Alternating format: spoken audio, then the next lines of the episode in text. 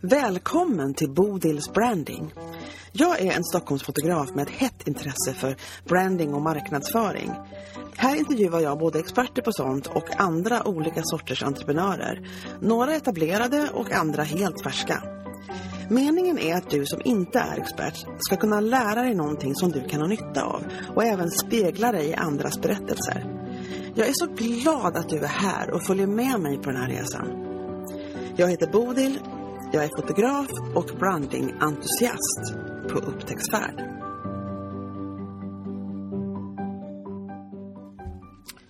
När jag startade den här podden så och det gjorde jag ganska tidigt när jag kom igång med min brandingfotoverksamhet. Eh, så tänkte jag att då kommer jag alltså att få hänga med massa entreprenörer och, och prata med massa entreprenörer om deras tankar eh, runt sitt liv och sin verksamhet och, och ja, deras erfarenheter. Jag kan i princip, förutom att fotografera entreprenörer, så, så kan jag inte tänka mig något roligare än att sitta och prata med dem om, det, om allt det här. Eh, så podcasten har varit en stor, stor glädje för mig och jag tycker det har varit så generöst av de som har ställt upp och varit med. Eh, och då har det kommit upp ibland så här på, på våra samtal, eh, det här med tankar runt prissättning som entreprenör, som företagare. Och då har jag nämnt några gånger att jag borde ha ett temasamtal egentligen om det här och alla har sagt att ja, men det är en jättebra idé, det borde du faktiskt ha. Eh, så nu ska jag ha det. Så nu så är det så att vi har fyra stycken eh, generösa, fantastiska entreprenörer som har bestämt sig för att ja, men vi tillbringar en timme med Bodil en torsdag morgon och pratar om det här för podden.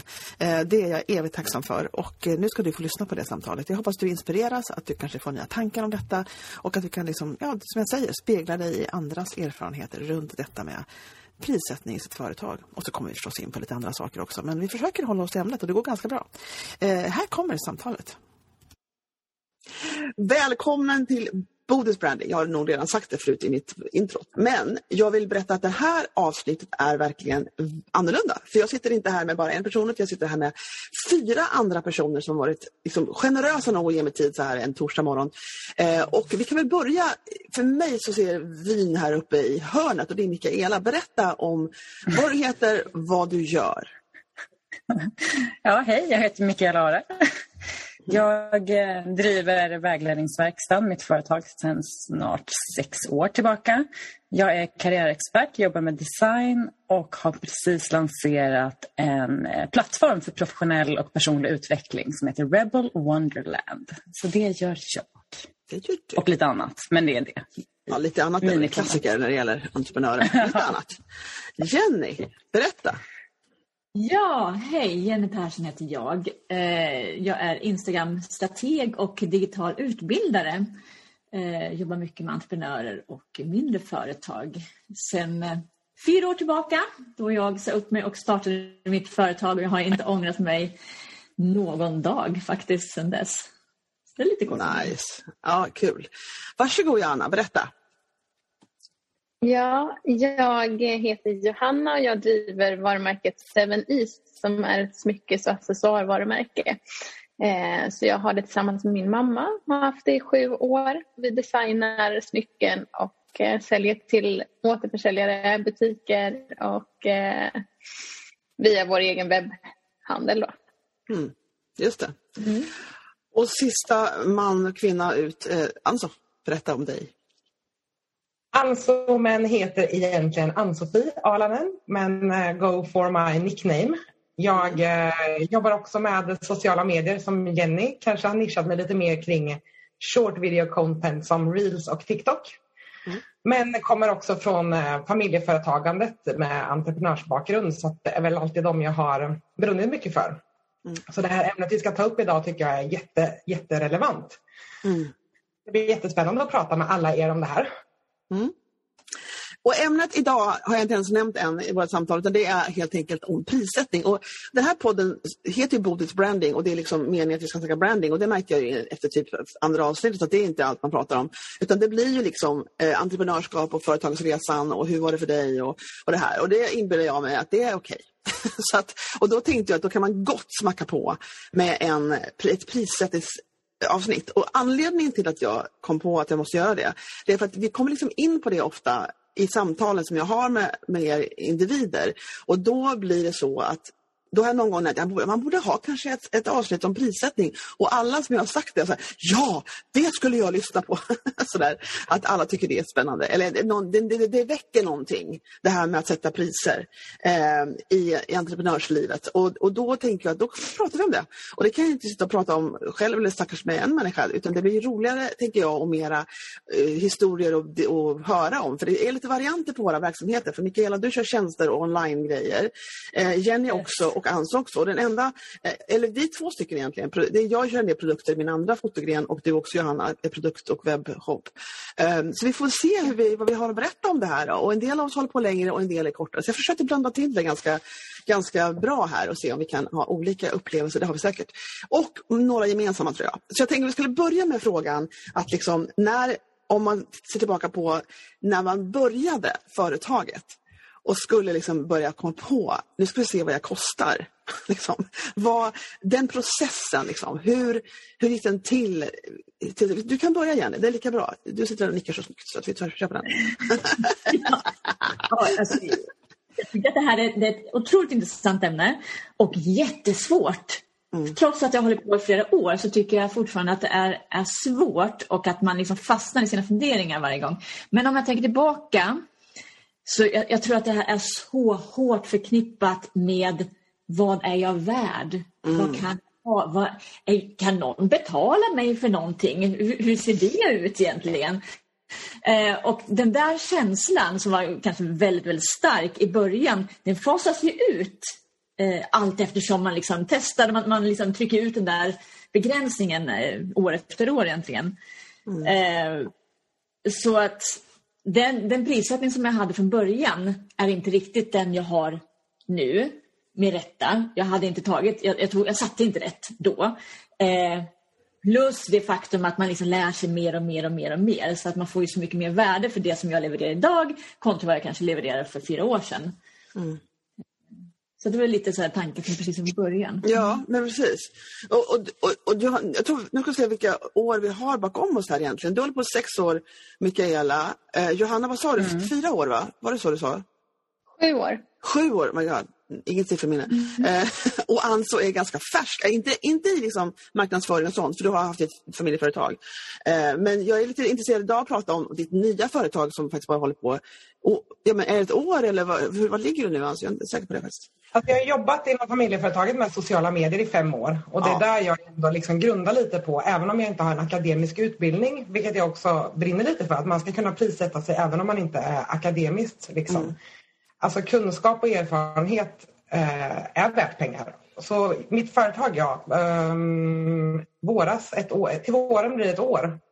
Men innan dess så, så frilansade jag också en period. Så ett, ja. ett och ett halvt år har jag frilansat kanske. För att då tänker jag så här, om man liksom ska försöka få in för jag, den, den, det är en del som, när jag märker, när jag varit på nätverksmöten och pratat, eller när det har kommit upp, liksom, det gör det ibland, så, så blir det lite grann det här, som du säger, vad är, vad är jag värd? Det är väldigt förknippat med ens person. Att, liksom, att jag ska ta betalt för det här. Och, så, och, det är liksom, och jag vet inte, känner ni igen er i att det också finns en bara helt pragmatisk liksom, matteövning i det här? Har ni liksom tänkt på det så? Mikaela, vad tycker du om det? Alltså det finns det ju. Det är ju alltid den här klassikern om så här, vad vill du, om du var anställd, vad skulle du tjäna då och hur kan du liksom omvandla det till hur mycket du tar betalt per timme oftast. Mm. Men det funkar ju bara till en viss gräns. För att för det jag har märkt i företagandet, i mitt företag, så är det väldigt så här, eh, ah, det går ju liksom upp och ner med vilka typer av uppdrag man har. Och för vissa saker kan man ta mer och för vissa saker kanske mindre. Så det är ju, ja, det har jag absolut mm. hört. Ja, ja precis. Vad säger du Johanna som har eh, kostnader faktiskt med material och massa sådana grejer också? För, för det är väl det som vi andra, eller jag har ju det också i min enda gren, men vi, vi tre stycken av oss här har inte, vi säljer inga produkter, ni säljer inga produkter. Eh, och, utan det är, liksom, det är produkter, för det är bara varsågod, en, en kurs för Ann som kostar så här mycket och en kurs för Jenny, liksom, det är så det är. Det är produkter i och för sig, fast det är inga materialkostnader om man säger så, utan det är tid mm. som, som kostar. Ja. Men Johanna, du har ju du har materialkostnader, du har liksom annat, och en hyra, ja, har precis. lager och, och, där är det lite att man vill ha liksom en, en marginal såklart som täcker alla kostnader. Mm. Eh, och som ger lite vinst. Men jag tror också där från början att här tittade vi mycket på våra konkurrenter, hur låg deras prisbilder och så vill man gärna lägga sig lite under dem då för att vara konkurrenskraftiga. Eh, fast där tycker jag inte att vi är nu utan nu är det mer att vi tittar på produkten. Vad, vad känns det som att den här är värd i förhållande till vad våra, vad våra återförsäljare och vad våra slutkonsumenter är villiga att betala. Och om det då blir för dyrt för vad vi tror att vi kan sälja, men då, då får vi slopa den designen istället. Då. Mm. Eller tänka om eller göra något annat. Mm. Mm. Och du skulle slopa designen baserat på vad? Att, att det blir om det blir för dyrt för vad vi tror att vi kan sälja det för. Att det blir för dyrt att tillverka menar du? Ja, precis. Ja. Och att vi då liksom, att vi får ett för, för högt slutpris för, för konsumenten som vi mm. tror att konsumenten inte är villig att betala för den produkten. Då blir det att mm. vi får slopa den istället. Och hur baserar ni, vad baserar ni det på? Då? För, alltså, för ni har gjort en sån kund... Det är ju bara en, alltså en, en chansning nästan skulle jag säga. Vi har satt liksom ett, ett eh, tak på våra produkter som ligger på, ja, vi har höjt det lite också genom, genom åren. Ja. Det där taket, att jag tror att eh, vår dyraste produkt ligger på 699 kronor. Mm. Och om det då skulle bli att, att, den, att vi tar fram en ny produkt som helt plötsligt visar sig kosta 999 mm. då, då kanske vi fegar lite och känner att nej men det här är nog inte vår, vår konsument redo för än. Mm. Mm. Det här är ju en ren gissningslek. Alltså. Ju, ja, faktiskt. Ja, för det kan ju vara så att konsumenten tycker att jo, men det vill jag visst betala. perceived value är ju liksom inte att leka med. Det, det är någonting som Nej, man... precis. Men som sagt, vi har ju ökat. Från början låg vi kanske på 4,99 och sen ja. så har vi höjde vi det till 5,99 ja. och sen 6,99 som, som slutpris på. Mm. Eh, så att det är väl också ett sätt att, liksom, att prova sig lite långsamt uppåt sådär. Mm.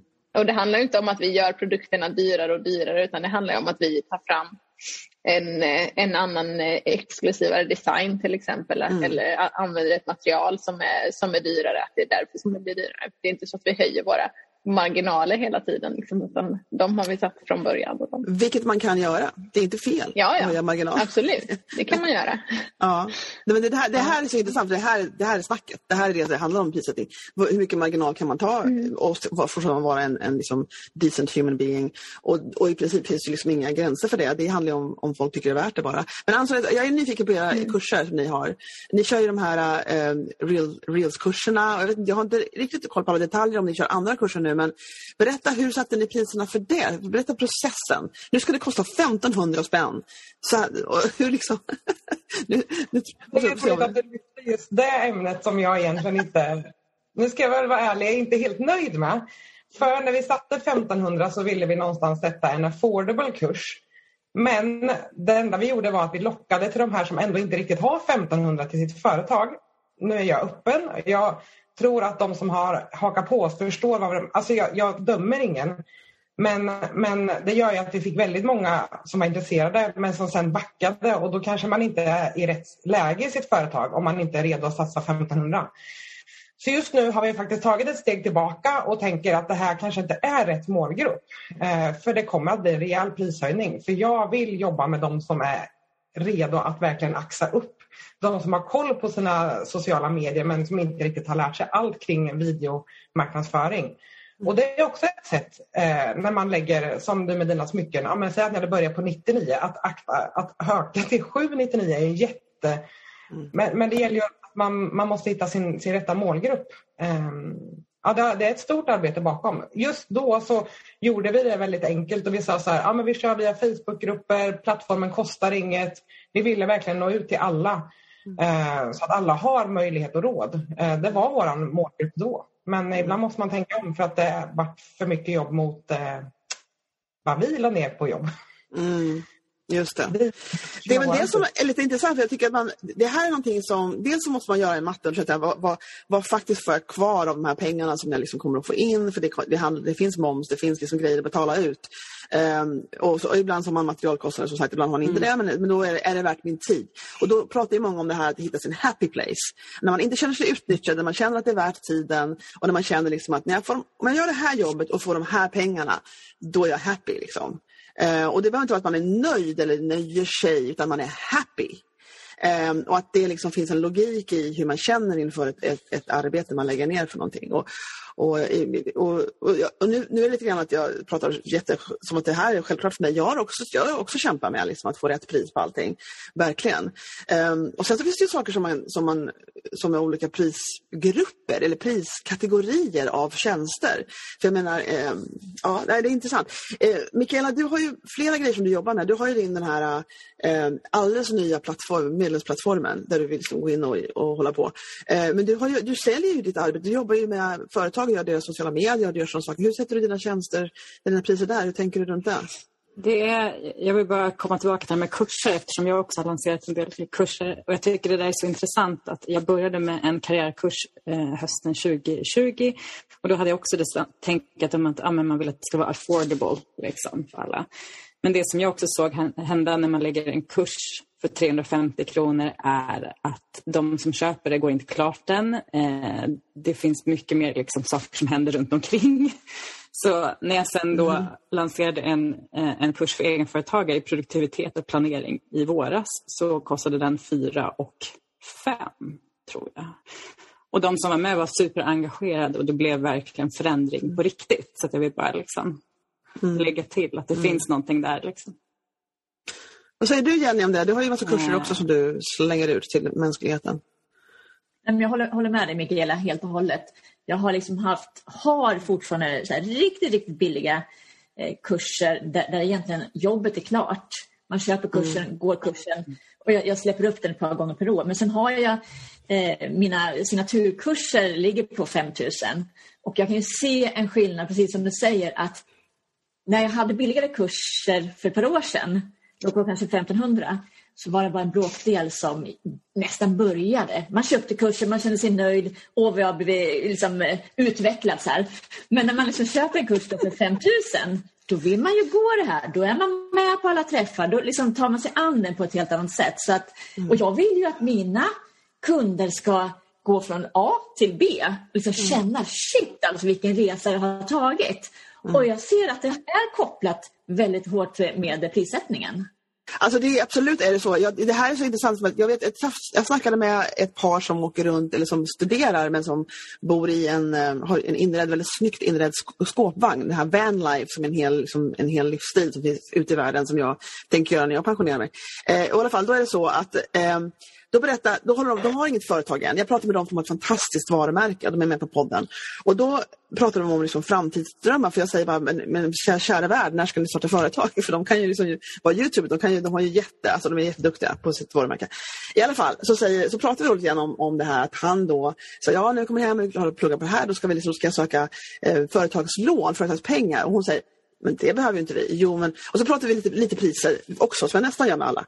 Och då så säger han, och då sa han, man måste ju se vad folk har i plånboken. Och den här grejen att liksom sätta sig själv in i att vad skulle jag ha råd att betala? Vad skulle jag betala för det här? De här grejerna, att man liksom att det är en fälla lite grann. Att, att man, man, man tänker att det är jag som ska betala. Det är liksom, när jag ska leverera värdet och de som de andra ska, hitta, ska det hitta människor som tycker det är värt det.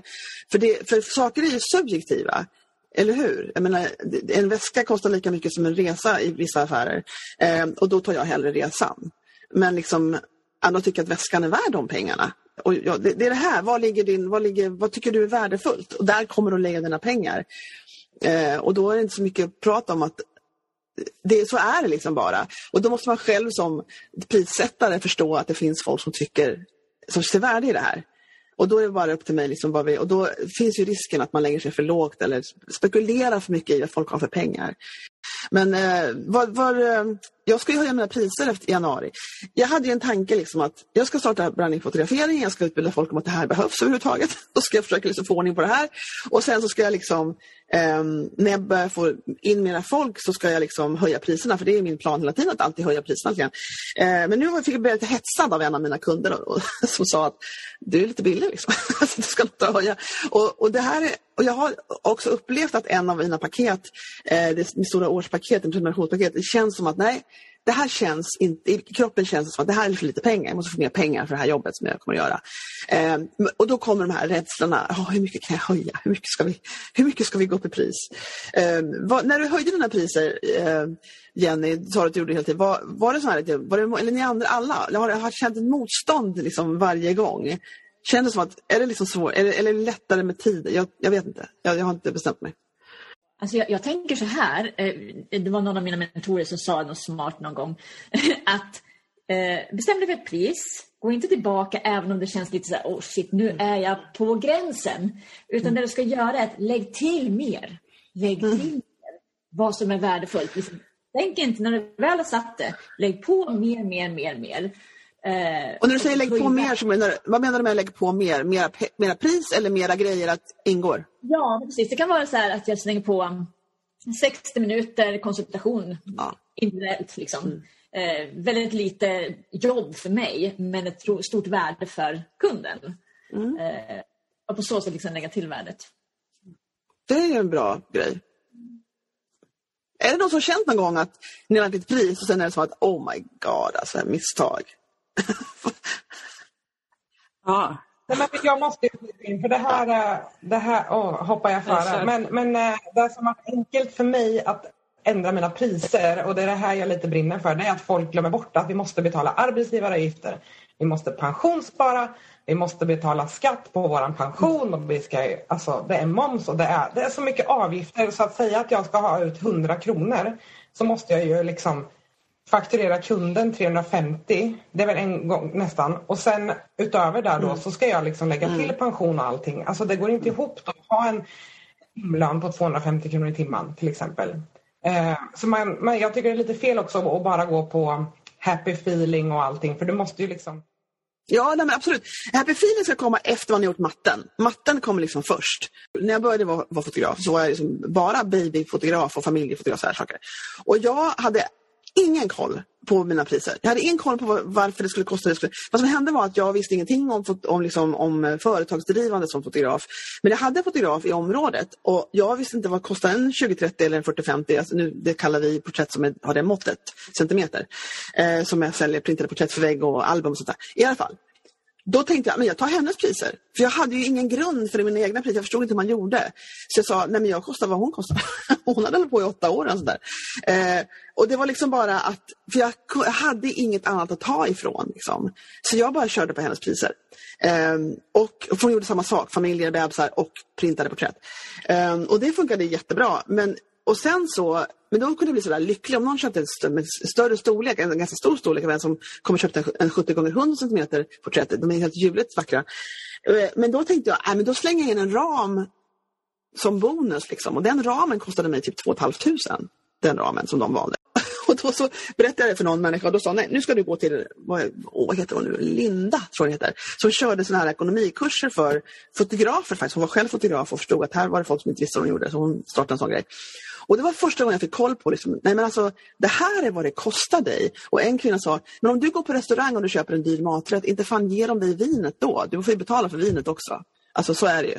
Så att, så att du får liksom förstå att allt de ska, de får det de köper. Inget annat. Liksom. Om man inte som du säger en kampanj lägger till grejer, det får man, då ska det vara liksom genomtänkt.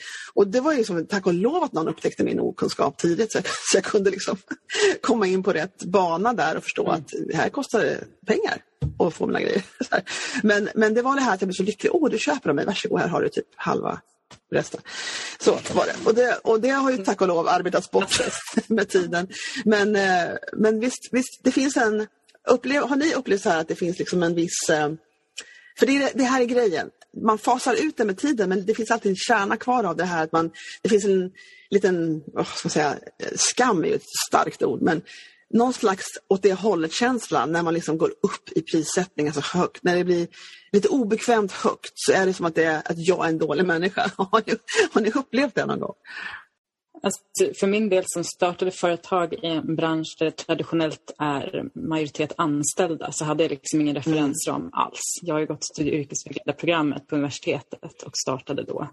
Och då märkte jag att i min klass så hade folk redan svårt att att liksom göra ett lönanspråk mm. överhuvudtaget trots då så kallad bra utbildning och massa grejer. Så jag tror att det här är någon slags generell sak. Så det var ju ganska mycket av att eh, experimentera och se vad som känns rätt och vad som känns, nu börjar det bli lite jobbigt, nu, börjar liksom, nu har jag lagt mig högt så att säga och lägga på lite till. Det, ja, det är fantastiskt. Jag tror att det var vi som pratade om det i Bodil för massa år sedan på ett ja. sådant nätverksevent. Att man ska liksom skriva ut sina priser och ska man lägga det på lappar på golvet och ska man så här, okej, okay, vart börjar det kännas lite obekvämt? Där ska du lägga Alltså jag lyssnade på en grej på Clubhouse häromdagen och då pratade de om det här med prissättning och då sa de liksom att det, i princip så, om man ska höja priserna så kan man lika gärna dubbla dem. Alltså i princip. Det är som att double your prices, det var som ett mantra där inne. Eh, och och, och det, det, är liksom, det är som att det kommer att finnas. Och det här är ju grejen, att, och vilket jag inte, vilket jag, det, som sagt, det, det här med att höja sina priser och hur mycket ska man höja och varför ska man höja så mycket och, och den här grejen att man kan man tjäna för mycket. För det, det börjar någonstans i hur mycket vill jag tjäna? Hur mycket vill jag tjäna i månaden? Hur mycket pengar vill jag faktiskt ha det över? Och sen ta bort momsen och ta bort, om man nu har materialkostnader, och sen och se det här är vad som blir kvar. Känns det som en okej lön? Och, och så också kombinerat med hur mycket kunder vill jag ha? Hur mycket vill jag jobba? Liksom? Eh, för det, det finns Men den där, eh, Förlåt att jag Nej, nej, kör på bara. Men det där är väldigt svårt med produkter tycker jag, just då att, att tänka utifrån sig själv och utifrån ens eget värde. För jag har ju hela tiden produktens värde också i, i tanken och då det är svårt att bortse från det. Att, ja, men, liksom, att höja priserna. Du menar materialkostnader, liksom... produkternas priser, du menar ja, materialkostnader. Det, ja, men det har jag också i min ja. andra gren, produkt, materialkostnader. Ja, jag vet, men jag tänker då liksom att, som för min del då, att om jag ska räkna utifrån, utifrån vad jag vill tjäna mm. och sen då räkna neråt då på produkterna, då kommer ju antagligen min marginal behöva bli mycket större. Mm. Om jag tänker så. Ehm, men det, det känns ju också lite, eller jag tycker det känns lite fel då att, att eh, för produkterna har ju ändå ett värde redan. Du menar en kostnad? Menar du kostnad ja, eller menar du Ja, en, ja, en kostnad. Precis, en ja. kostnad. Mm. Ja. Fast det är ju inte det är ju en fakta Eller jag kanske som... tänker fel. Nej, ja, nej du, du, tänker på ditt sätt bara. Jag tänker så här att mina material har en kostnad också. När jag, när jag köper mm. ramar, när jag köper liksom porträtten från min, han som tar fram mina porträtt. Eh, och mm. eh, då är det, de kostar vad de kostar. Och han kan höja sina priser ibland mm. och det är som det är liksom med det. Eh, och det kan inte jag påverka mm. egentligen. Jag kan påverka, kanske shoppa runt och se om det är någon annan som är lika bra och som kostar mindre, men det är som det är i princip. Ett, man kommer fram till var man köper sina grejer ifrån. Men, men sen, och, och där ligger det bara. Eh, och sen så är det, men vad jag har gjort då, som inte har lika, jag har inte alls samma, samma volym som ni har, alltså det är inte alls, ni har ju en annan sorts verksamhet. Men, men det är någonting som bara ligger i det stadiet som måste bara tas med i kostnader som hyra, som telefon, som allting, det är bara en mm. kostnad mm. i företaget. Eh, och sen, sen är det bara att tänka liksom hur, Gud, bara, jag säger bara som att det är så jävla lätt då. Men, men liksom, det är bara det här att, att man liksom, men vad vill jag faktiskt, vad vill jag ha kvar? Och, och, och, det är inte alltid man kan påverka det heller, för det kommer en pandemi ibland, det kommer en dålig månad, folk köper inte lika mycket, jag, får, jag bokar inte lika mycket kunder eller vad det kan vara. Men att, men att, liksom att grundmatten ligger att så här mycket klarar vi av att, att, att producera då. Och, och, det här är vad det kostar. Och, och, hur mycket marginal måste jag då ha för att få över de här pengarna som jag vill få över? Och jag tror att, jag känner till exempel en som har en verksamhet som också säljer grejer, men ganska high-end eh, hi-fi utrustning. Och där har han aldrig riktigt kollat på de kostnaderna och när vi gjorde det en gång så var det som att, aha, jag måste liksom sälja för 60 000 varje månad för att täcka mina kostnader. Det var liksom en, en mattegrej han hade, aldrig hade gjort och kämpade väldigt mycket. Jo men den, den uträkningen vill jag också förtydliga att jag har gjort. Det förstår jag, jag har räknat utifrån liksom vad jag minst behöver eller vill ha liksom för lön till exempel. Mm. Inte vad jag så här, det här är min ideallön.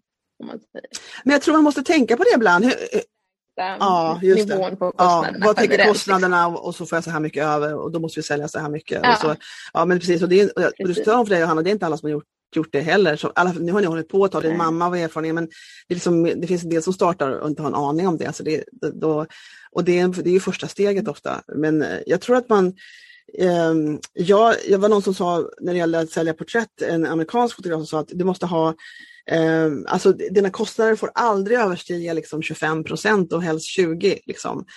Då har du en marginal som liksom det går att leva på i princip så. Och det var som att där var ju inte jag på långa vägar i början.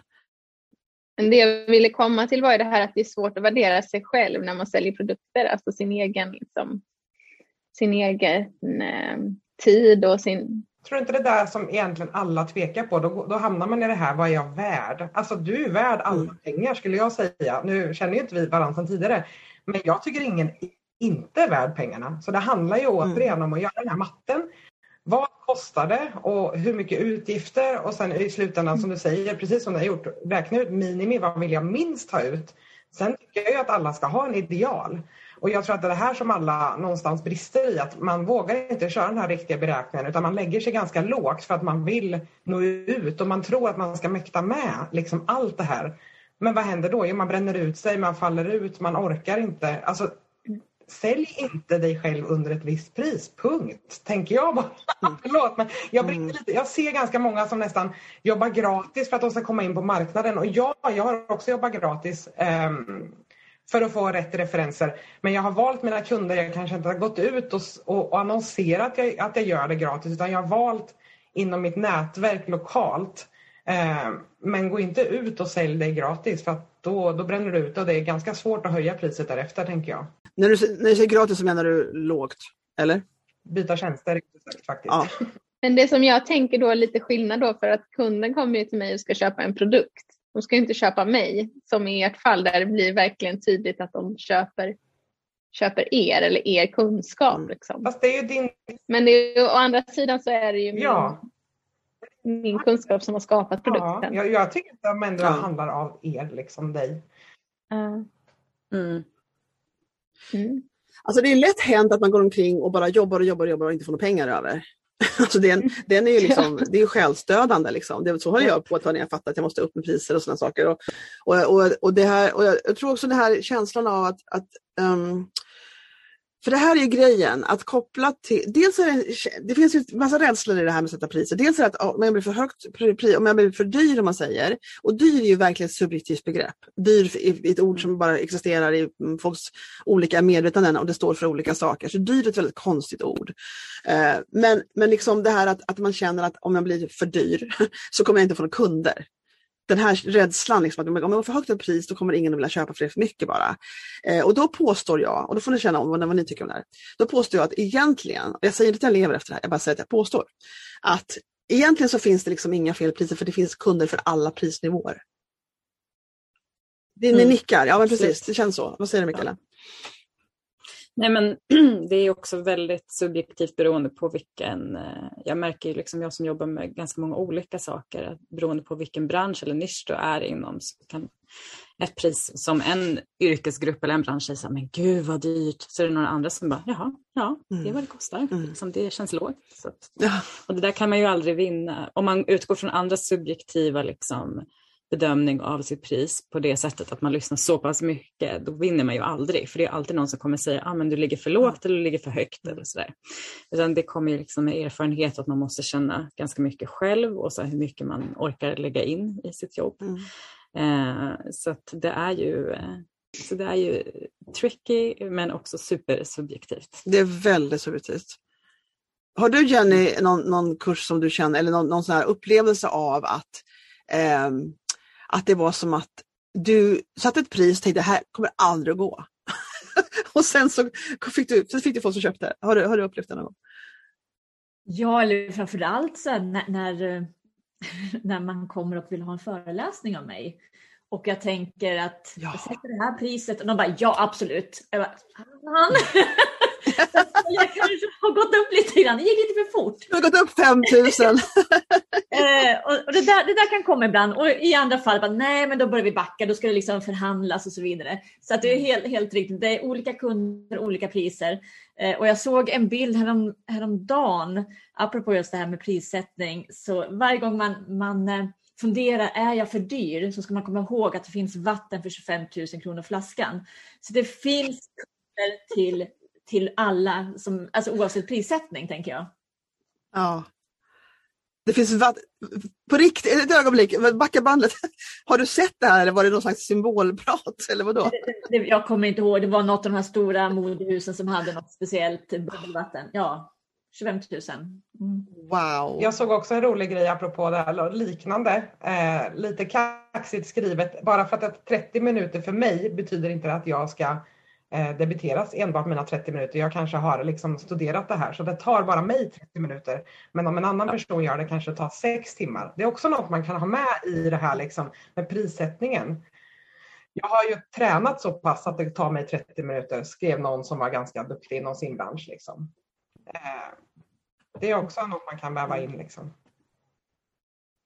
Det är någonting som händer ibland som jag upplever med Eh, jag är, eh, jag är i olika nätverk och grupper på Facebook med andra fotografer. Jag har hängt med andra fotografer en hel del. Familjefotografer och så.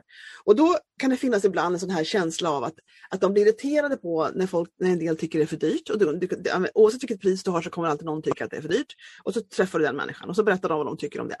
Och då känner en del ett, en, en, ska man säga, en, ett, en, en urge, vad heter det på svenska tror eh, En ja, i alla fall, ett behov, ett behov att mm. liksom berätta om allt det här jobbet som ingår och hur det är och, och att man liksom, men jag ska ju betala det här. Och det är som att man det blir att man går i försvar och blir irriterad för att de inte fattar det här själva. Och, så där. Och, och jag tänker ibland att, att för det här vet man ju själv vad det är för kostnader man har och vad det är för det, hur mycket pengar man får över och sådana saker.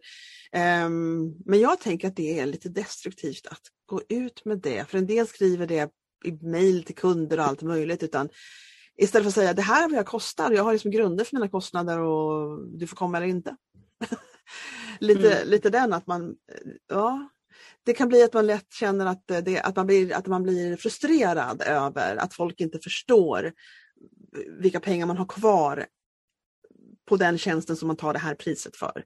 Men att den frustrationen är ingen, ingen, ingen jag anser att det är inte någon mening med liksom att prata om utan utan man får utgå från att alla har, man får utgå ifrån att alla har grund för sina priser och sen får folk ta det eller take it or leave it lite grann. Ja, alltså det är ju, det är ju mycket som, som du sa, alltså liksom ens erfarenhet som folk inte ens tänker på. Att det är också inlagt mm. i liksom vilket pris man tar.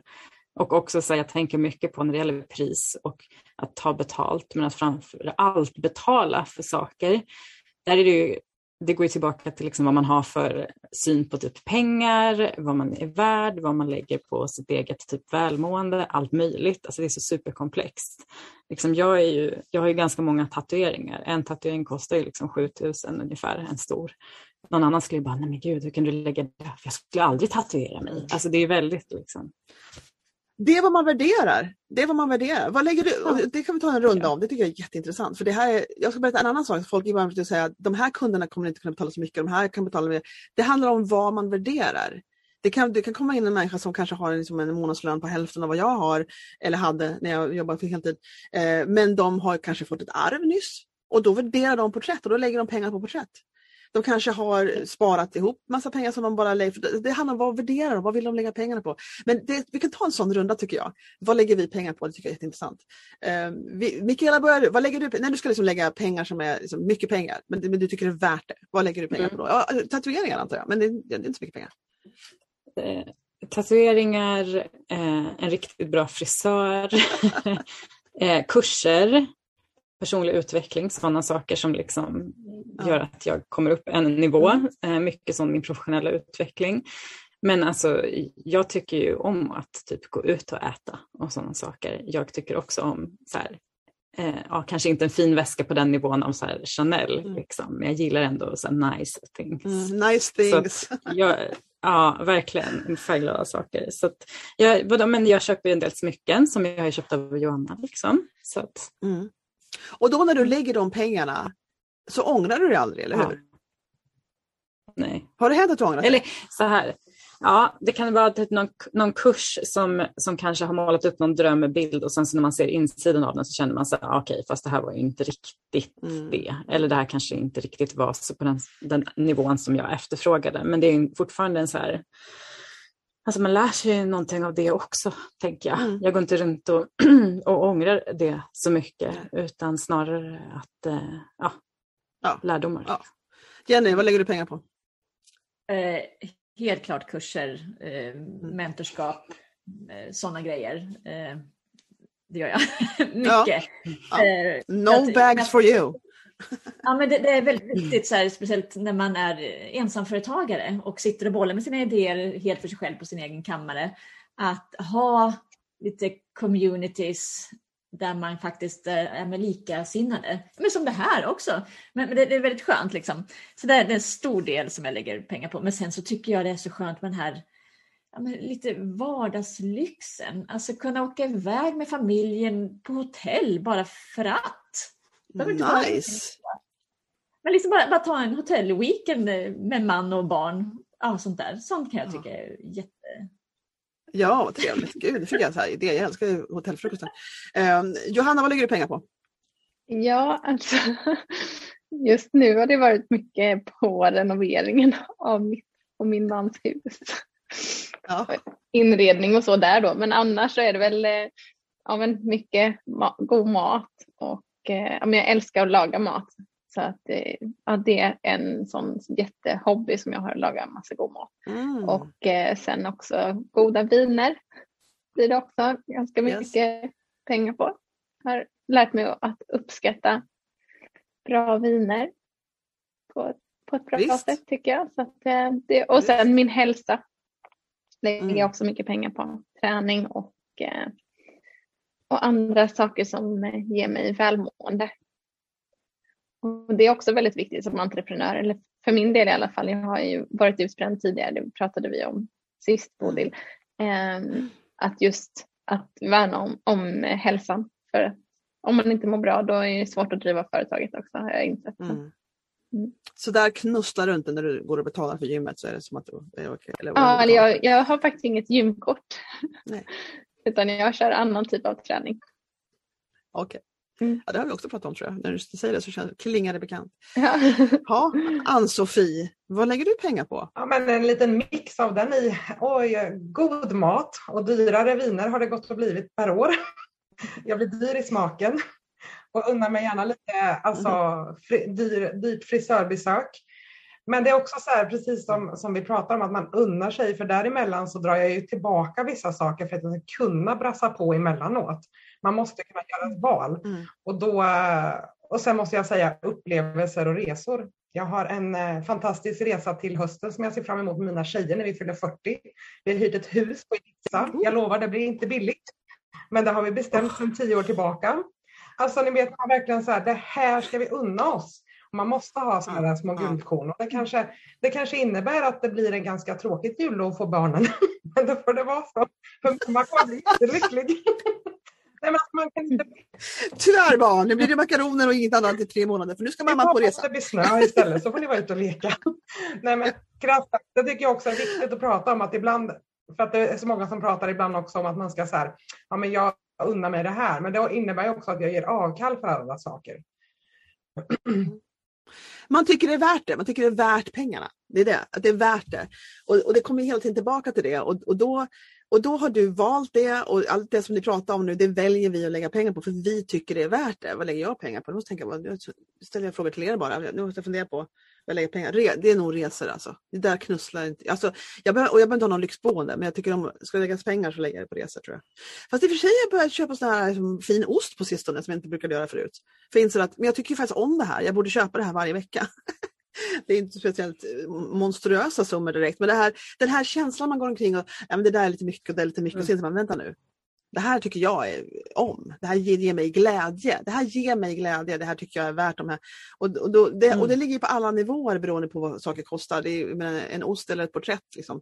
Det är klart att det är olika prisklasser. Men, men det här grundkänslan att, att man tycker någonting är värt pengarna. Men något annat tycker ska man aldrig lägga pengar på. Det är det som vi liksom, den, den liksom Um, det måste vi tillåta våra kunder att göra också. Att, att de får hitta en som tycker att det är värt det. Ehm, och, eh, och sen och själv känna att man, att man inte känner sig utnyttjad i princip när man, när man ligger på det priset man ligger. Ehm, men om man, om man tittar på processen då, då av att höja sina priser som jag står inför nu. Och jag tänker inte höja speciellt mycket och egentligen borde jag dubbla dem tydligen enligt, enligt samtalet jag var inne på häromdagen. Um, men uh, ja, jag, jag, har, jag gick in på ett pris som kändes bra i min brandingfotografering nu. Så gick jag in på ett pris som jag tyckte kändes bra då och sen så har det liksom utvecklats till att jag förstår att att den här paketet måste jag höja för det känns inte bra. Eh, men hur den här processen av att höja priserna och känna ett motstånd eller, eller inte. Eh, har ni någon system runt tjänster som ni har hela tiden som ni liksom höjer? Tänker vi, nu höjer vi 5% varje år. Eller vad, hur tänker ni runt prishöjningar? Om du produktkvinnan i rummet, Johanna där, vad, vad, när ni höjer priser, för ni har gjort det ändå, höjt priserna. Mm. Är det bara som att nej, nu kör vi så här mycket procent varje år eller hur, vad gör ni? Nej, alltså vi, jobbar, vi handlar ju mycket med annan valuta. Ah. Så för vår del så är det mycket liksom hur valutakurserna står och så och det kan ju göra att vi får höja produkter som eh, tidigare har haft ett pris till ett annat pris på grund av valutakursen. Men det kan ju också bli att vi, att vi kan sänka produkter då. Om valutan går åt andra hållet. Men varför gör ni det undrar man? Sänker man någonsin priser? Är det en bra idé? Um, funderar på om jag har gjort det. Ja. det kan ju, jag menar mest liksom realistiskt att man kan ju göra det om valutakursen går neråt. Men, eh, ja. nej, men vi har nog hållit kvar, hållit kvar priserna. Men eh, såklart valutakursen styr en del i, eh, i vår prishöjning. Absolut. För nu har ju också kurserna gått, gått upp en del. Um, men annars när, man höj, alltså när, när vi har höjt priserna och så, då, då tänker jag att det är ganska så viktigt att, att inte bara höja, vi har ju ganska så stort sortiment, men att vi inte bara då höjer en eller två produkter utan man får den där toppriset eh, då som jag pratar om som är på 699, att man har ändå en del produkter som ligger där och som ligger på 599 så att inte det bara ligger en produkt där ensam för då kommer inte den säljas alls men om den har några kompisar i samma i samma prissegment så blir det lättare, upplever jag i alla fall, att det, mm. att det fungerar så. Det finns ju en teori om att ha sådana high-end-pris som man egentligen inte vill sälja, utan man vill sälja mm. det som är under. Mm. Att, det, att det ger som sätter en topp, en, en topp att, folk, att de kommer in i en möbelaffär, där står liksom lyxsoffan liksom för liksom mm. 35 000, det kanske inte ens är lyx. Jag kan inte soffor märker jag, men det kanske är 135 000, jag vet inte vad en lyxsoffa kostar. Men om den står i, liksom i öppningen och sen så kommer de andra sofforna sen så känner man att det här var ju ett mer rimligt pris än det som stod i början där. Att det finns en psykologi runt, runt det, alltså att det inte gör någonting att ha en produkt som är väldigt, väldigt hög. Eh, det beror ju på då som sagt om man vill sälja den eller inte kanske. Exakt, det gör ju ja. ingenting om den säljer. Någon sa ju så här också att, att när, eh, när ett, vad, hur var det nu, ska se så jag kommer ihåg rätt. När man har när den, det var, det, som, det var samma, samma system, det här med högsta, att ha en, en högprisprodukt som, som egentligen är den som ska vara, vilket man, den är till salu, det är inte att man vill sälja den, men det är den som gör att att ja, det där kommer en del vilja ha och sen så de flesta kommer vilja ha det som är under och då kommer de kännas väldigt rimligt alltihopa. Men då om man säljer den där högsta, ja då är det dags att gå och ta upp priserna igen. Alltså att man tar upp. Och en del, en del kör att när man är fullbokad, som man, om man nu säljer tjänster, eller så här, då, då, är då måste man höja priset. Men i pris, då är det ett bevis på att man i princip är för billig. När man liksom är full, fullbokad. Upp med priserna då. Då kommer det liksom gå ner i kundantal igen men liksom det kommer att hosta upp sig så småningom i alla fall. Alltså lite så. Vad, vad, vad, vad säger vi om det där systemet? Att liksom, alltså, vad säger du om det? Här, liksom att man, man har Nej, en... men alltså, jag tänker på i familjeföretaget så säljer vi faktiskt produkter och där, eh, där eh, har vi fått sätta prissättningen nu efter dieselhöjningen för att vi har stora maskiner och de sprutar ur sig diesel och de har ju tokhöjt men vi började bara smyga upp med 5% höjning och det måste man göra med några månaders förväg. Ehm, men alltså, och sen får man ju också räkna in med inflationen, hur ekonomin liksom styrs. Så att en minst 5 i höjning per år brukar man ju ändå nästan behöva rekommendera till både tjänster och produkter, tänker jag. Um, ish. Mm. Sen, sen, om det är ett bra år, men jag absolut. Torv som vi jobbar med då, den, ehm, den har vi inte så mycket produkter av så att vi behöver inte ens marknadsföra den för att den säljer sig själv. Um, och det gör ju också att vi kan hålla ett lägre pris. Men det innebär också att... För att, för, då, för att ni har volym på något vis? Eller? Ja, vi har inte tillgång till mer volym och vi har så stor efterfrågan på den. För det är också en sån där grej som man kan behöva ha med i prissättningen. Hur mycket kostar det att sälja, alltså ni som, eh, vad heter det här? Alltså vad har det kostat att, uh, att, att sälja in den här mm. timman till exempel, mm. produkten? Mm. Uh, Cost of doing business. Ja. Ja, det finns ju ganska mycket kostnader bakom, men ja. vi har ju lyckats hålla ett lägre pris för att vi inte behöver marknadsföra oss lika mm. mycket. Men vi måste fortfarande höja priset för att det har kostat oss mer att ta fram varan. Mm. Det är ju, det är, jag skulle säga att det är främst matte och sen i slutändan så bara shottar man på mer i alla fall. För det är klart att man är värd. Ja, ja, ja, ja precis. Har, har du, ehm, vad, var, vad var min fråga från början? Jag kommer inte ihåg. Jo, det här med att ha en high-end um, och det här med pris, prishöjningar och grejer. Jo, men jag har också hört en hel del om det, att det, var, det ska finnas ganska mycket psykologi bakom det, high-end. Och att mm. eh, har man högst ett sånt pris så kommer många lägga sig lite under det och mm. börjar folk handla på det högsta så är det dags att höja igen. Ja. Dags att höja igen, ja. Sen har man också hört stories om när man, folk som säljer VIP-paket för så här sinnessjukt höga priser och sen så har du ett jättelågt så standardpris och sen börjar alla handla på VIP-paketet. Ja, då, då jag också börjat tänka till. Liksom. Men då har du kanske lyckats fånga rätt typ av målgrupp för det är också mycket arbete kring det tänker jag. Att du måste hitta din målgrupp. Vem är din eh, önskedrömskunde eller vad man nu vill kalla den för. Ehm, gör du rätt jobb där så är det inte lika svårt att sätta rätt typ av pris. Vill du bara jobba med de som har precis råd med din tjänst, ja då måste du hålla ett ganska lågt pris, men då måste du ha många sådana kunder. Innebär det då att du lockar in dem automatiskt eller behöver du ha en del marknadsföring bakom för att nå ut till alla som ska ha råd med dina billiga tjänster? Alltså, det, en dröm är ju att man ska kunna hjälpa alla som, som som precis har råd. Liksom. Men, men det kostar ju ändå i slutändan att nå dessa människor mm. så att de vet att jag finns. Och det går i alla fall inte ekonomin ihop sig. Så även om jag drömmer om att jag vill kunna säga ja, jag kostar bara 100 kronor i timmen så går det inte ihop sig. Jag går back. Liksom. Nej, nej. Jenny, berätta hur du har gjort med high-end grejer. Och, eller har du någon så här psykologiskt, eh, hon rullar med ögonen, har du någon psykologisk metod runt det?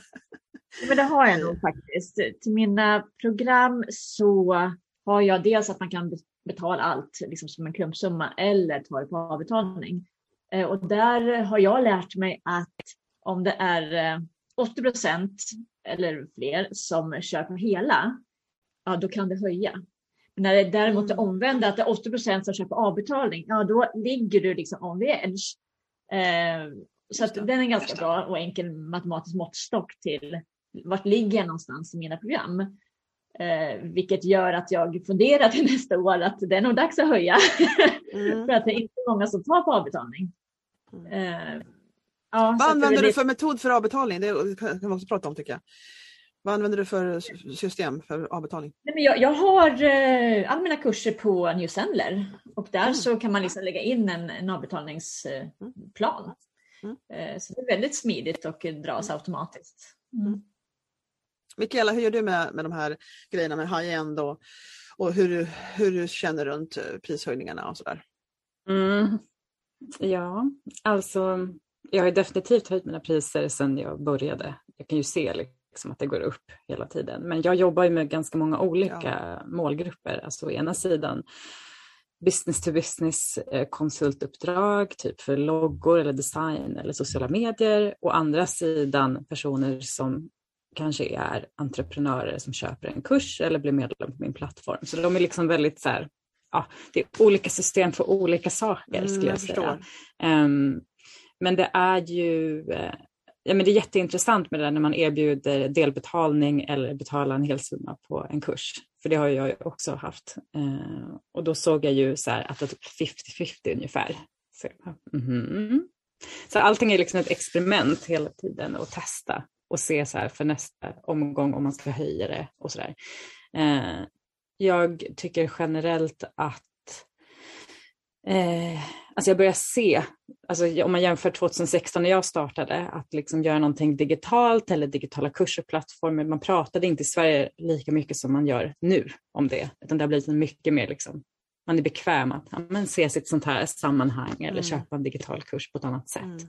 Vilket jag tycker är väldigt positivt. faktiskt. Ja, Precis. Att folk, att folk förstår att det ligger ett värde, att de har inget emot att betala fast det är virtuellt. Alltså det är en annan medvetenhet mm. om, om vad, hur, hur saker går till och hur coachning går till och hur allt det här händer. Ja. Uh, just det. Just det. Nej, för att jag vet att jag uh, tänkte på på mina produktpriser, nu pratar vi alltså min familjebabyverksamhet som jag fotar också, uh, att jag är lite nöjd. Jag har höjt lite, var, inte varje år, men jag har liksom höjt och fått upp det och i början låg jag för och, och då... Men jag då tror jag, att det låter logiskt att den delen av min verksamhet håller liksom på, det är så intressant för jag har liksom fått tre nyfödda bebisar den här veckan så det är inte som att jag håller på att fasar ut. Men liksom det är som att jag, jag lägger in, det är jätteintressant det här, jag är lite baffled faktiskt. Att jag lägger inte så mycket energi på den grenen, jag marknadsför inte den, jag har, min, min fokus är inte åt det hållet utan min fokus nu är att bygga upp brandingfotoverksamheten, som är väldigt i början. Eh, så där går min energi, där går min fokus, där går hela det jag tänker på och den andra liksom får puttra på bara. Och då, lite förbannat, så får jag kunder där. Um, och då känner jag lite grann att jag någonstans, en, det här är så intressant, där är jag liksom nöjd med där jag ligger. Men med inflation och 5% per år kanske jag borde höja i alla fall där borta. Men det är som att jag känner att nej, men där får jag över. Och sen är det också det att man, man har olika inkomstströmmar, eller man borde ha det i alla fall. Det är mera så det ser ut i världen nu att man har flera olika inkomstströmmar. Och för annars blir man väldigt känslig. Fast det, är inte, det, är inte, det, är inte alla, det funkar inte för alla. Så jag förstår att det kan vara olika men om man har det så är det en fördel. Um, och då tänker jag liksom att, att jag jag är ganska nöjd med hur jag ligger där men jag vet jag att min brandingfotoverksamhet det kommer att höjas mm. allt eftersom. Liksom där ser, ser, ser en annan utveckling på något sätt. Um, och då måste man liksom komma över det här med att jag, må, jag måste komma över, liksom, eftersom det är så nytt och många inte gör det, jag har inte så många att jämföra med, jag känner några stycken och många utomlands, eller några utomlands, så måste jag liksom komma fram till det här känns bra för dels matten. Först börjar vi med matten, mm. liksom, hur mycket kunder orkar jag ha och vad måste jag i så fall få in för att känna att det här, om jag nu ska ha bara det här till exempel. Men då känner jag att, att jag måste liksom jag väntar lite grann på att det ska bli mer rullning. Nu ska jag höja nästa år för jag känner att jag börjar lite lågt. Men liksom att, det, att, när jag känner att det är mer rullning och att det är flera förfrågningar, flera liksom folk som vill ha det här så kommer det kännas bekvämare för mig att sen höja priserna. Jag vet inte. Och det är likadant för dig Anson, du som har den här nystartade verksamheten med kurserna. Liksom. Hur, ser, hur ser du framöver? Ska, hur ser du liksom eh, när, alltså, för det är ju så här, man kan lära sig, om man inte vet något om reels så kan man liksom söka fram det man behöver för att få ihop en reels till exempel. så går det Men, liksom, men, men ni ni är lite överkurs för det första, ni, ni, ni tror att ni gör någon basic reels direkt. Eh, utan ni har ju verkligen, eh, det, det, det, det, är en högre nivå på, på det som ni lär ut. Eh, än det som jag snor ihop, i alla fall än så länge. Men, men då, då så tänker jag, att, hur, hur funderar ni på vart vill ni hamna? Har ni något mål? Liksom? Ja, så här, om två år då ska vi kosta det här eller då ska vi ha över de här pengarna. Eller, pratar ni så du och Arso? Ja, det är så mycket spännande som händer där så jag får nog säga pass på den för vi kommer oh. nog besked framöver.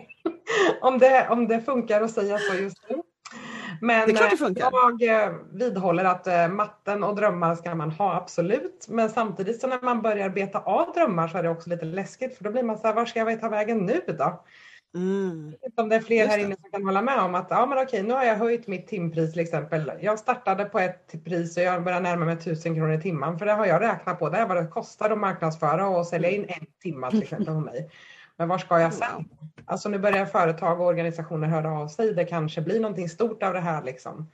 Var, var ska man sikta mot då till exempel? Det är också svårt när man mm. börjar när man börjar nå utsatta mål, ja, det är ju spännande. Alltså, om vi snackar prissättning och pengar och, och, kan man komma till en punkt där man känner att nej men nu räcker det, nu behöver inte jag ha mer pengar, nu behöver inte jag ha mer betalt för det här. Kan, kan man nå dit? Finns det en sån tillstånd? Vad tror, vad tror du om det Johanna? Eh, jag är inte där i alla fall. du är inte, nej, nej, jag förstår. Nej, Nej, men jag har ju också mål liksom och, och, och, jag kan känna igen den där. Det kan ju vara att man har ett mål att komma in i en viss butik som återförsäljare och sen när man har gjort det, man har lagt massa fokus på att, på att komma in där som återförsäljare och när man väl har gjort det så, ja, men vart ska jag rikta mig nu? Liksom, vad, att då blir det som ett tomrum och man behöver liksom ladda om och hitta ett nytt mål. Eh, och jag kan tänka mig mm. att det är samma omsättningsmässigt också, liksom, om man har det målet att man vill omsätta en viss, en viss eller man vill ha ett visst antal följare i sociala medier eller en viss antal inter mm. eller interaktioner eller vad det nu kan vara, liksom, när man har nått mm. det. Liksom, ha, men vad blir nästa mm. steg då? Mm. Mm. Vad säger du Jenny? Har du något mål som du känner att du har kommit till? Förlåt, alltså, vad sa du? Jag är lite nyfiken. Jenny, du har ju kört ganska länge. Hur har det gått för dig? För du har ju ändå liksom tagit eh, omtag på nya mål och nya mål hela tiden och, och antagligen tagit sådana här krokvägar. Man, man tar en, en sväng till vänster och sen måste man byta till höger. Och... Ja, alltså jag, jag känner ju, det här, är, det här är verkligen mitt sämsta område, det här att, att se vart man har kommit någonstans. Jag har hela tiden nya mål. Eh, och, jag, och för, som svar på din fråga Bodil, nej jag tror inte att, att man kommer till den här stället där ah, nu, nu har jag känt klart, nu sätter jag mig här, nu är jag done. Liksom.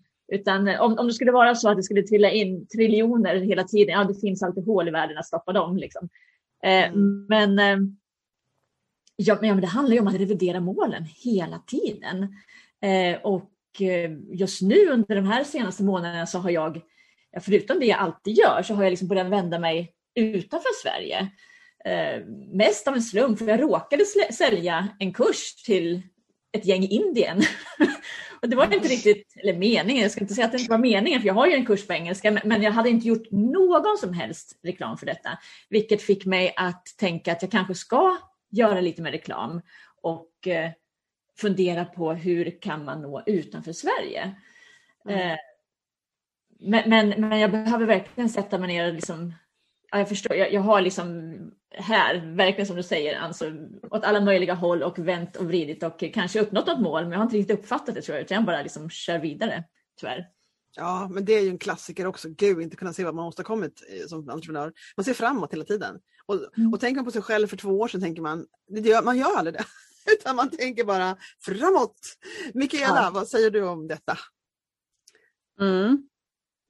Nej men jag är också alltid i någon slags utvecklingsfas känns det som. Att man liksom jagar nästa mål och sådär. Men jag har också börjat fundera mer och stanna upp och säga men vad har man faktiskt mm. åstadkommit? Och det brukar jag alltid göra nu de senaste två åren i alla fall i december som en så klassisk, typ ett mm. årsbokslut fast för mig själv, ett powerbokslut. Så att då är det ju, det är ju, det finns ju en väldigt kraft i att se tillbaka och bara, vänta lite nu, jag klarade ju faktiskt det där, mm. jag gjorde ju det där mm. och det här hände och så här, det är ganska kul. Och att stanna upp och, och se över det man redan har istället för att bara springa vidare, att hitta någon slags kombination av det är väl där jag är mest precis det som du säger nu Mikaela, som jag kände också. Alltså, man är i december, vad vill jag åstadkomma i 2022? Vad har, vad har jag uppnått under 2021? Man måste liksom någonstans också våga, alltså även om det går fort så kanske våga stanna upp och bara säga ja, de tre klarade jag av, den uppnådde jag inte. Nej okej, vill jag fortfarande ha kvar den till nästa år eller ska jag ta en annan väg? Mm. Ja, det är spännande. Ja, Alltså det, det, en del, ja, väldigt många människor har ju finansiella mål, finansiella mål för företag och det, det är liksom meningen att företag ska gå med vinst. Det är det, det är det vi är till för. Att, känna, att ta in, det, det är en verksamhet som grundkomponenten är att hjälpa människor med någonting och, och gå med vinst. Liksom. Det, det, är ett självändamål i ett företag. Och, och, då, då, och den här grejen med att finns det någon slutgräns för hur mycket pengar man, man kan sträva efter att tjäna. Och, och då kan man också parera det med, men varför ska man tjäna mycket pengar? Vad är meningen med att ha stora marginaler, att inte bry sig om vad kostnaderna är? Och nu är det kostnaden här lite mindre att göra, eller, eller som du som sagt om Johanna och jag har också tänkt så. Eh, men det här liksom att nej, jag, det är min plikt att få så stor marginal som möjligt. Därför att allt behöver inte gå liksom till grönmögelost som det är hemma hos mig, utan det, det, allt går till det. Men jag säger, det, det, det behöver inte vara målet med pengar. Utan man kan hjälpa andra människor. Ju rikare man blir, eller, ju, eller man säger så här, ju mer mm. pengar man får över, ju mer människor kan man hjälpa. Och det här är någonting som en del liksom inte tänk, tänker på tror jag. Utan det finns en skam kopplat till att så här mycket pengar får jag inte tjäna för det är bara inte bra. Liksom, eller i min bakgrund var det så i alla fall. En liksom frikyrklig bakgrund och jag vet att jag växte Jag gick ju på den här Lyxfällan, han originalblonda killen som har böcker om ekonomi, jag kommer inte ihåg vad han heter nu. Um, jag gick en kurs hos dem, en ekonom, ekonomikurs för länge sedan. Jag la mycket pengar på den. och, eh, och var lärare på den tiden och, och, hade ett extremt fattigdomstänkande. Alltså kände verkligen att det var lite fel att vara för, ha för mycket pengar. Man var inte en bra människa om man hade för mycket pengar. Utan det var mycket det här, ge bort pengar till de fattiga och allt det här. Och, och man, man, kunde inte vara riktigt lika bra människa som den som hade mer pengar. Alltså det var jättekonstigt. Men det här fanns i mitt medvetande och jag tror det är jättevanligt att det finns något slags eh, skambelagt med att, vara, att ha för mycket pengar över. Liksom. Och då glömmer man att det var någon som sa, bara inte alls så länge sedan för mig, att det är nästan själviskt att inte tjäna mycket pengar. Alltså det där, inte för att man alltid kan påverka det, jäklar som jag har haft fattiga år i mitt liv.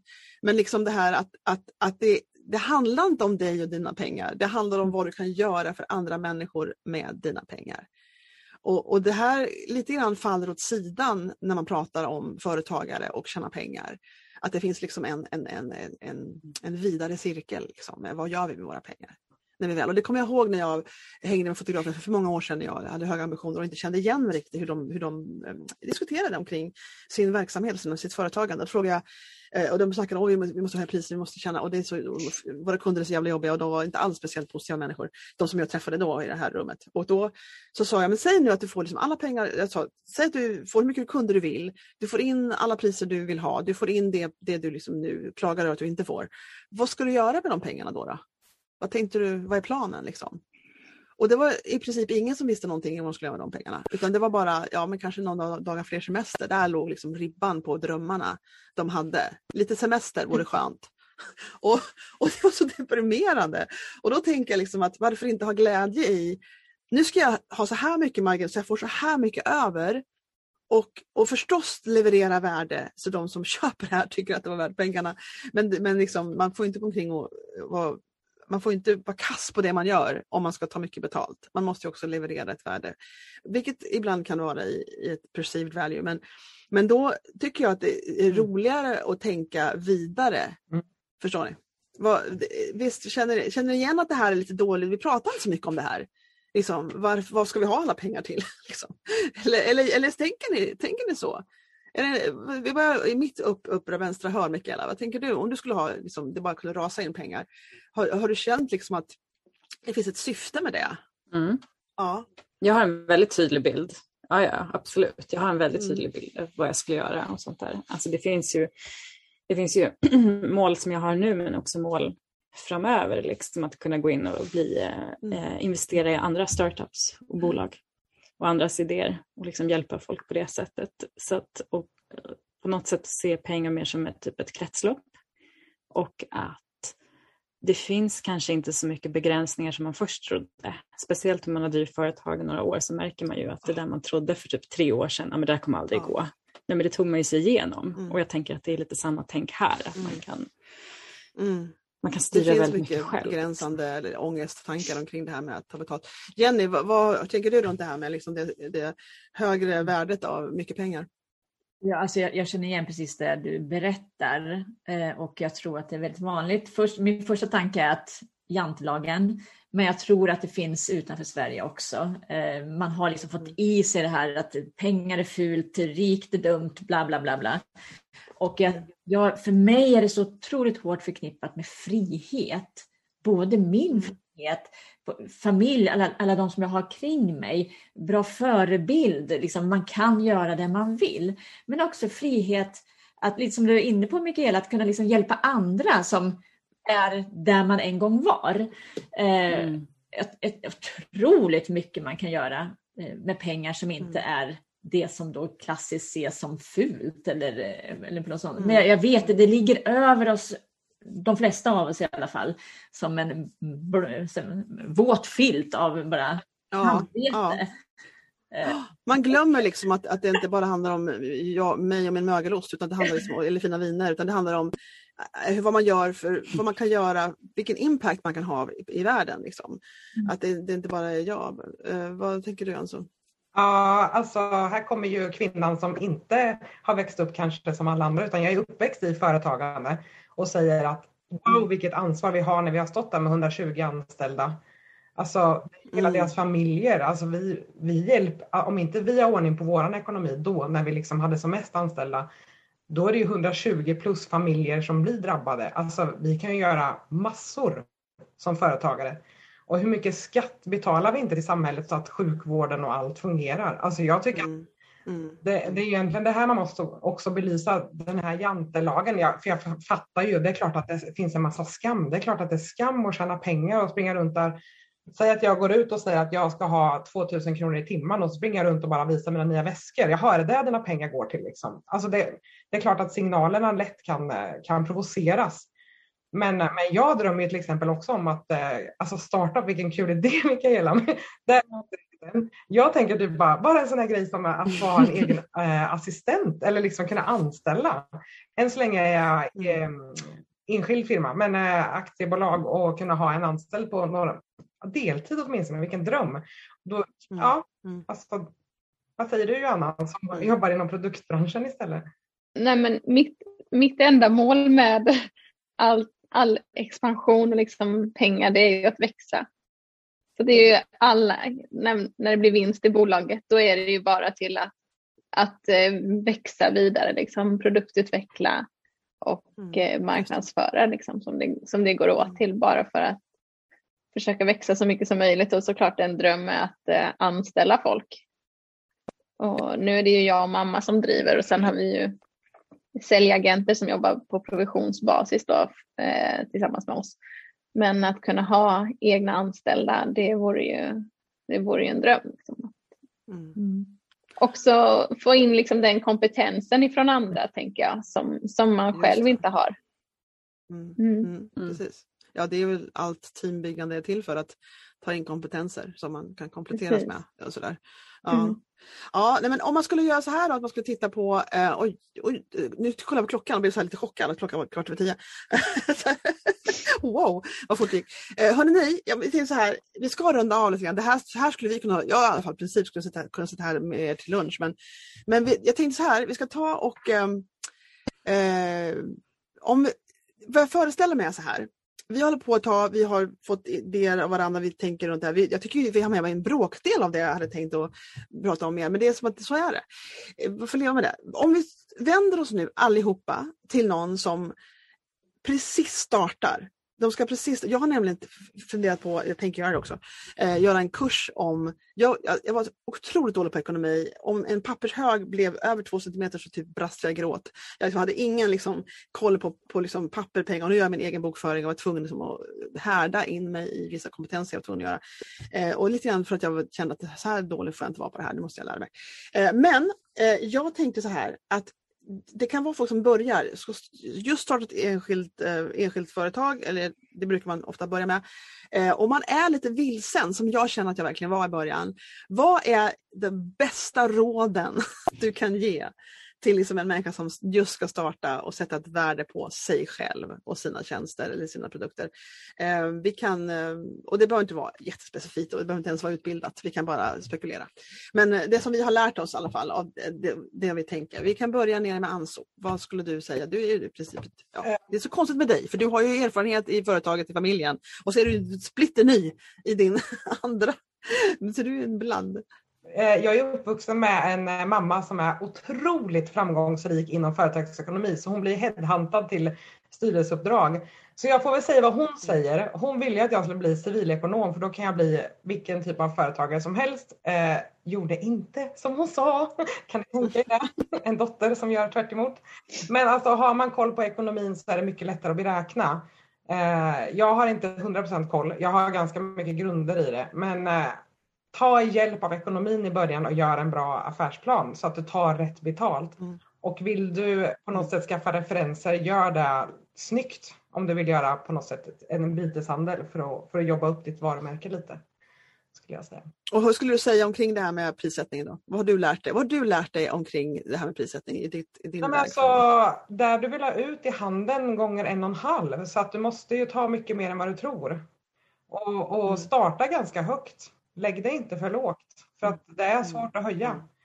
Det är därför jag säger att vill du, göra, vill du skaffa referenser och typ jobba lite gratis i början som många kanske gör för att få erfarenhet, gör det mm. snyggt då.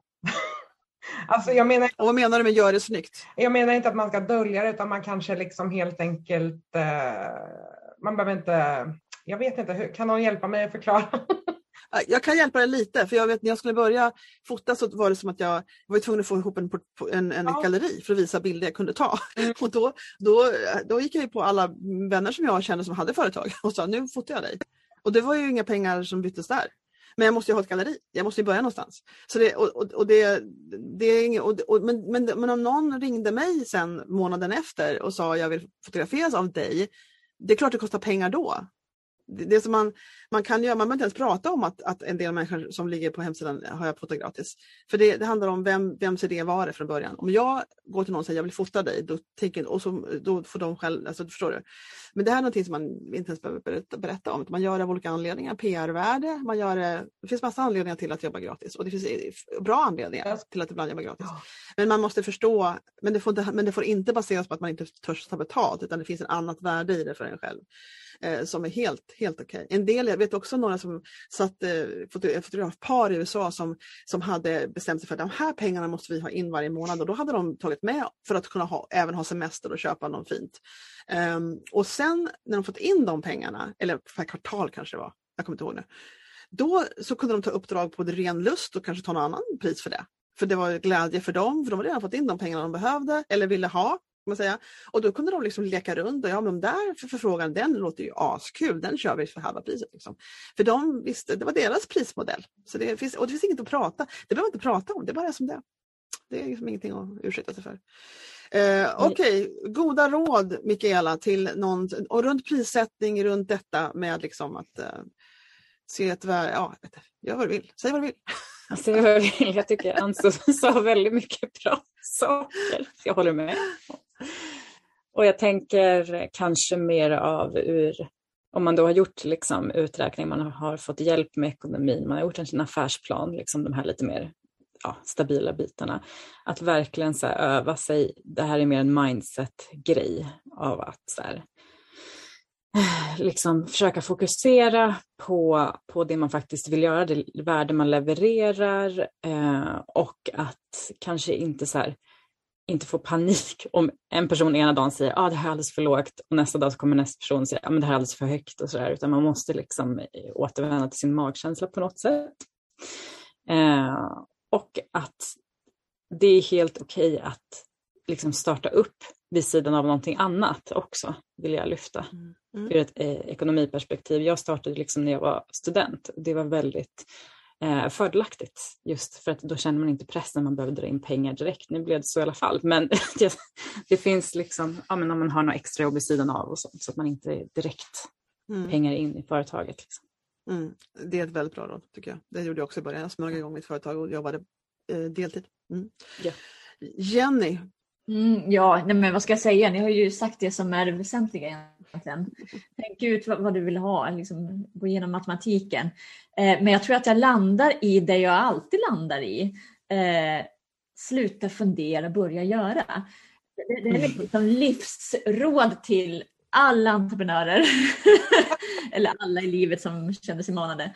Gör, testa på vägen, Eh, ingenting är hugget i sten utan det går att förändra vad du än tar dig för egentligen. Eh, och så även liksom, eh, dina erbjudanden, dina priser och så vidare. Eh, så när du har räknat ut i matematik, du vet vad du vill ta, du vet att du är värd de här pengarna, gör. Och där ligger väl nyckelproblemet, att en del har svårt med att det kopplas till självvärde Alltså en personlig upplevelse av att man, så här mycket kan inte jag kosta. Och det är ju någonting ja, som man får jobba på sin egen personliga utveckling och förstå att, att liksom, ja det där är svårt för man, man kan känna att man, en del till exempel tar inte lika mycket betalt som någon som håller på längre.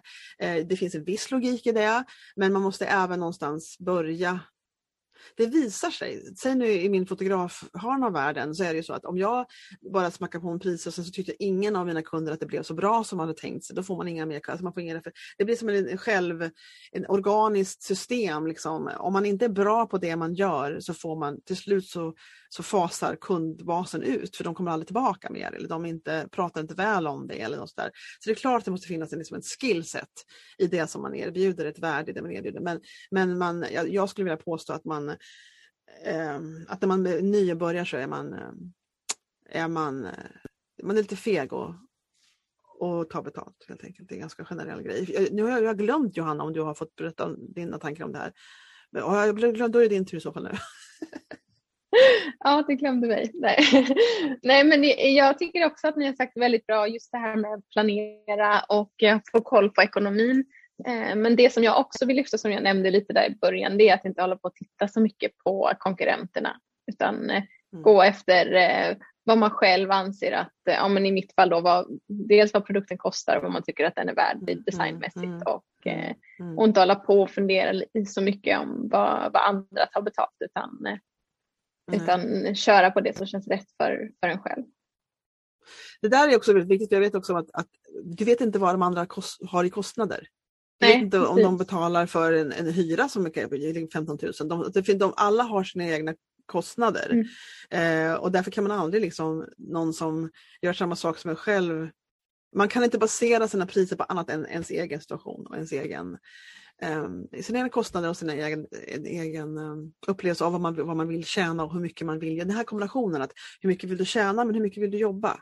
Mm. Den tror jag också är intressant liksom, att tänka på. Man glömmer det ibland. För exempel, det finns en del som bara överbokar sig också. Det bara kommer in, vilket som jag fortfarande påstår är ett tecken på att man är för billig.